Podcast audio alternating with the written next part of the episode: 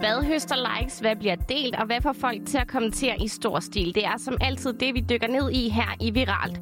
Og i dag der zoomer vi ind på coronapasset, fordi det skal mange have i brug i dag. Og vi skal vist også alle sammen lige vende os til, at det fra i dag bliver en fast del af hverdagen. Ja, og så skal vi tale om Piers Morgan, der endnu en gang er ude med skarp kritik af Meghan Markle og Prince Harry. Din værter i dag, det er mig, Laura Brun. Og Henriette Kamp. Velkommen til Viralt. Vi starter med at dykke ned i dagen i dag. Ved du, hvad det er for en dag? Øh, det, er, det er ikke mandag, det må være tirsdag. det er tirsdag, men er der mere? Ja, så altså, jeg tænker, der er nogle ting, der åbner i dag, men jeg ved ikke helt, hvilke. Men det er rigtigt. Det er jo en øh, såkaldt genåbningsdag, og vi kan igen tage til frisører, massører og tatovører. Elever de kan igen komme øh, på køreskoler og kan begynde undervisning og tage teorier og køreprøver. Og studerende de kan altså også i højere grad igen komme til fysisk undervisning, end de har kunnet før. Så der sker altså rigtig meget godt i dag. Woo! Ja, vi er glade. Men altså, for at man kan tage til for eksempel frisør, så skal man jo have sit coronapas med. Og coronapasset, det trender lige nu på Twitter. Folk de skriver om det, fordi det bliver altså en fast del af hverdagen fra nu af. Og da den langsigtede genåbningsplan den blev præsenteret, så kom statsminister Mette Frederiksen også ind på det her coronapas. Det betyder øh, blandt andet, at hvis man skal se frisøren, og det er der mange, der efterhånden begynder at trænge til, så skal man have et coronapas med, der viser, om man enten er vaccineret, om man er testet negativ, eller man har en overstået øh, infektion, altså om man har været smittet tidligere. Ja, og altså, jeg synes sgu, det lyder skide smart med det her coronapas. Hvad tænker du? Altså jo, altså jeg, jeg har jo lige været i Legoland, og ja. der, der skulle jeg jo bruge coronapas og vise, at jeg havde en, en, eller jeg skulle vise, at jeg havde en negativ test. Så jeg synes egentlig, det fungerede meget fint. Det gik hurtigt. Det var nemt nok. Ja, og den, den holder jo nogle dage, så, så selvom jeg var blevet testet dagen før, kunne jeg jo stadig bruge den. Det er rigtigt.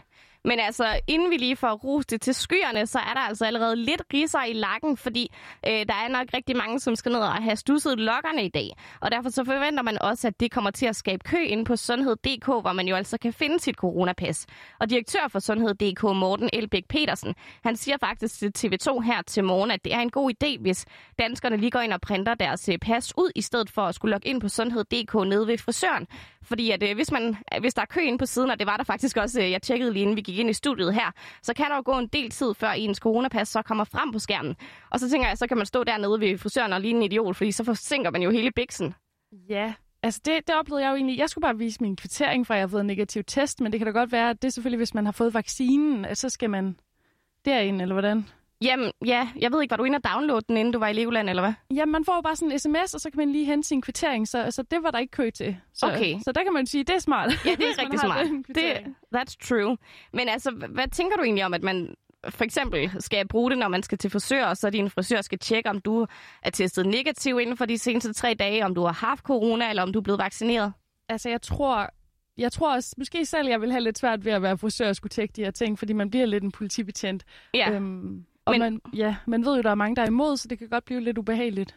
Jamen, det, sådan er der også en del, der har øh, holdningerne til det, men faktisk så bakker næsten 7 ud af 10 danskere op om det her coronapas, viser en ny måling fra Voxmeter. Og øh, H-projektet, som følger danskernes adfærd under coronapandemien her, øh, de er faktisk ikke overrasket over, at det er så mange, der er for coronapasset. Fordi lederen af projektet, Michael Bang Petersen, han tænker, at det er en god idé med den her opbakning til passet, og det er faktisk også øh, det, som det har vist øh, hele vejen igennem hele coronakrisen, så har vi set, at danskerne i høj grad er, er villige til at øh, yde en indsats, om man så må sige, for at øh, beskytte hinanden. Og denne her opbakning til coronapasset øh, tyder på, at det er netop sådan, folk forstår det, at det er en måde, at man beskytter hinanden, samtidig med, at man vender, øh, vender tilbage til en mere normal hverdag. For der er også et andet perspektiv på coronapasset, øh, og der har været debat om, hvorvidt det her er et øh, har karakter af et tvangsindgreb. Men vi kan altså se i de her tal, at det er ikke en, en så at sige, en måde at tænke på coronapasset, som deles øh, af den brede befolkning. Nej, men altså størstedelen bakker op, men der er jo også dem, som ikke synes, det er en vild god idé med det her pas, og det var du jo også selv inde på lige før. Ja, altså ja, jeg tror godt, jeg kan forstå, øhm, ja, hva, hvorfor det er, man, man kan synes, det måske er lidt ubehageligt. Ja, og øh, det kan man altså se inde på flere medier i dag. For eksempel så skriver DR, at SMV Danmark, der jo repræsenterer de små og mellemstore virksomheder og behandler forbundet, de øh, godt kender til flere øh, af deres medlemmer, altså som for eksempel er fysioterapeuter og akupunktører, som ikke har tænkt sig at tjekke deres kunders coronapas. Hvad tænker du om det?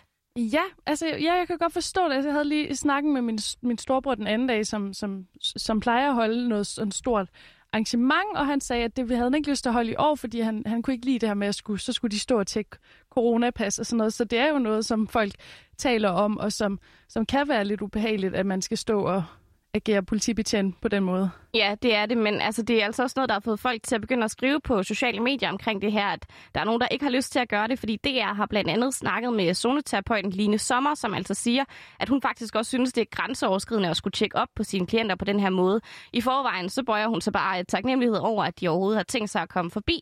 Men den her udtalelse har altså fået folk til at skrive lidt øh, på sociale medier. For eksempel så er der en, der skriver på Twitter, kan vide om Line Sommer og andre inden for sundhedssektoren også finder det her grænseoverskridende med at spørge folk, om de er medlem af Sundhedsforsikringen Danmark, eller hvad med det gule sygesikringskort? Er det også over grænsen at tjekke det? Ja, altså jeg kan godt lidt se, hvor han vil hen, men måske er det bare ikke helt det samme, fordi det handler jo ikke om politisk overbevisning på samme måde. Nej, men tænker du ikke bare, at det er noget, vi skal vende os til, at nu skal man jo. også lige have tjekket coronapasset? Jo, helt sikkert også. Vi vil jo gerne have, at samfundet skal åbne op igen, og hvis det er den eneste mulighed, så er jeg da helt sikkert bare på. Det er jeg også. Ja, Laura, nu skal vi et smut til England og det berygtede Oprah Winfrey-interview med Harry og Meghan. Altså, jeg gætter på, at uh, lige netop det her interview stadig står ret klart i din erindring. Ja, det, det vil jeg sige, at det er ikke lige sådan et, man lige glemmer. Der kom en del uh, breaking things op.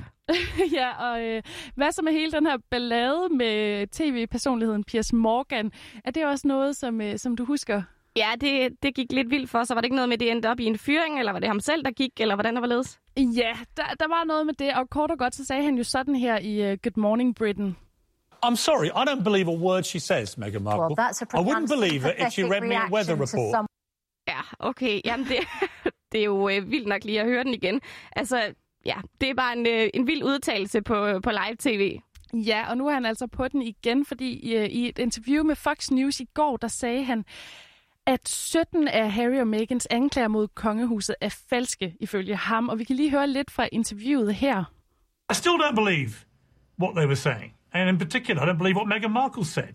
17 different claims by the pair of them have now been proven to be either completely untrue or massively exaggerated or unprovable. I didn't believe Meghan Markle. Uh, a huge furore erupted through the day uh, I was an outrage. Uh, I wasn't allowed to have an opinion that I didn't believe what she was saying, even though it was clear to me in real time as I was watching the interview that there were a number of things which just couldn't be true. Ja, øh, det er Verden Tucker Carlson, som har lagt det her klip op på sin Twitter fra interviewet. Og grund til, at vi skal tale om Morgans udmelding her, er, at de artikler, som Daily Mail har skrevet om det her emne, altså de, de trender rigtig meget. Så jeg tænker, at det må betyde, at det her emne stadig vækker folks interesse. Og det er jo også lidt opsigtsvækkende, at han nu igen retter virkelig stor kritik, særligt mod Megan, som vi også kunne høre her i interviewet. Ja. Hende har han jo aldrig været vild med. Sådan. Nej, Nej. han har været ret hård. Og øh, jeg kan lige komme med, med et eksempel her fra Daily Mails artikel i forhold til, hvad, hvad det er for nogle øh, kritikpunkter, han kommer med. Og det er blandt andet det her med, øh, med parets søn, som Megan jo er ude og sige, at han ligesom kongehuset er kommet med racistiske bemærkninger i forhold til søns hudfarve, inden han blev født. Øhm, ja, det handlede jo sådan om, at, at de havde en bekymring om, hvordan han ville komme til at se ud, hvordan hans hudfarve ville være, fordi Megans mor jo er afro, afroamerikaner. Og det er jo så hendes statement, og det, det er den her udtalelse, som Megan siger, eller som Morgan nu siger, at det mang, den mangler kontekst, og, og man ved jo ikke præcist, hvad der er blevet sagt. Så der er nogle ting, som han i hvert fald siger, det, det er falsk, og det, og det passer ikke, de her historier, de kommer med. Men som vi kunne høre i, øh, i lydklippet tidligere, så siger han også, at hans kritik handler om ytringsfrihed. Som jeg forstår det, så mener han, at, øh, at han har ret til at sige om Meghan og Harry, jeg tror ikke på jer. Og, men den her ret, den føler han ikke, han har haft netop på grund af den enorme shitstorm, øh, hans udtalelse ligesom har medført, og som jo også har ført til, at han sagde sin stilling op på Good Morning Britain. Så altså, Laura, hvad tænker du om hans øh, udtalelse her og pointe med, med ytringsfrihed? Jamen, altså som udgangspunkt, så er jeg jo totalt øh, fortaler for ytringsfrihed. Det synes jeg ikke, at vi kan få nok af. Men, men omvendt øh, synes jeg også, at man skal tænke over, hvad man siger sådan på live-tv, øh, fordi at, ja, det var, det var måske ikke det smarteste at sige lige der, så kunne han måske sige det til hans kone, hvis, hvis han tænkte, at det, det ikke var så smart. Ja, og han er jo også kommet med andre udtalelser, altså blandt andet i forhold til sin kollega. Kan jeg da huske, at, at der var nogle... Altså, han kom med nogle pointer omkring, hun havde en kort kjole på, så derfor kunne man se, at det var forår. Og, og det synes jeg da også er virkelig grænseoverskridende. Så det er jo ikke...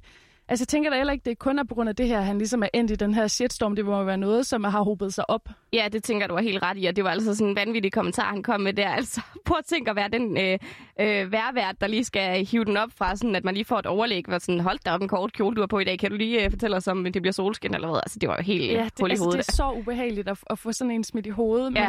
men altså, jeg tænker da, at han måske kan have en pointe i, at selvfølgelig har man lov til at mene, hvad man vil, men men ja, man, man skal selvfølgelig også bare lade være med at, med at gå over grænsen, især på live-tv, tænker jeg.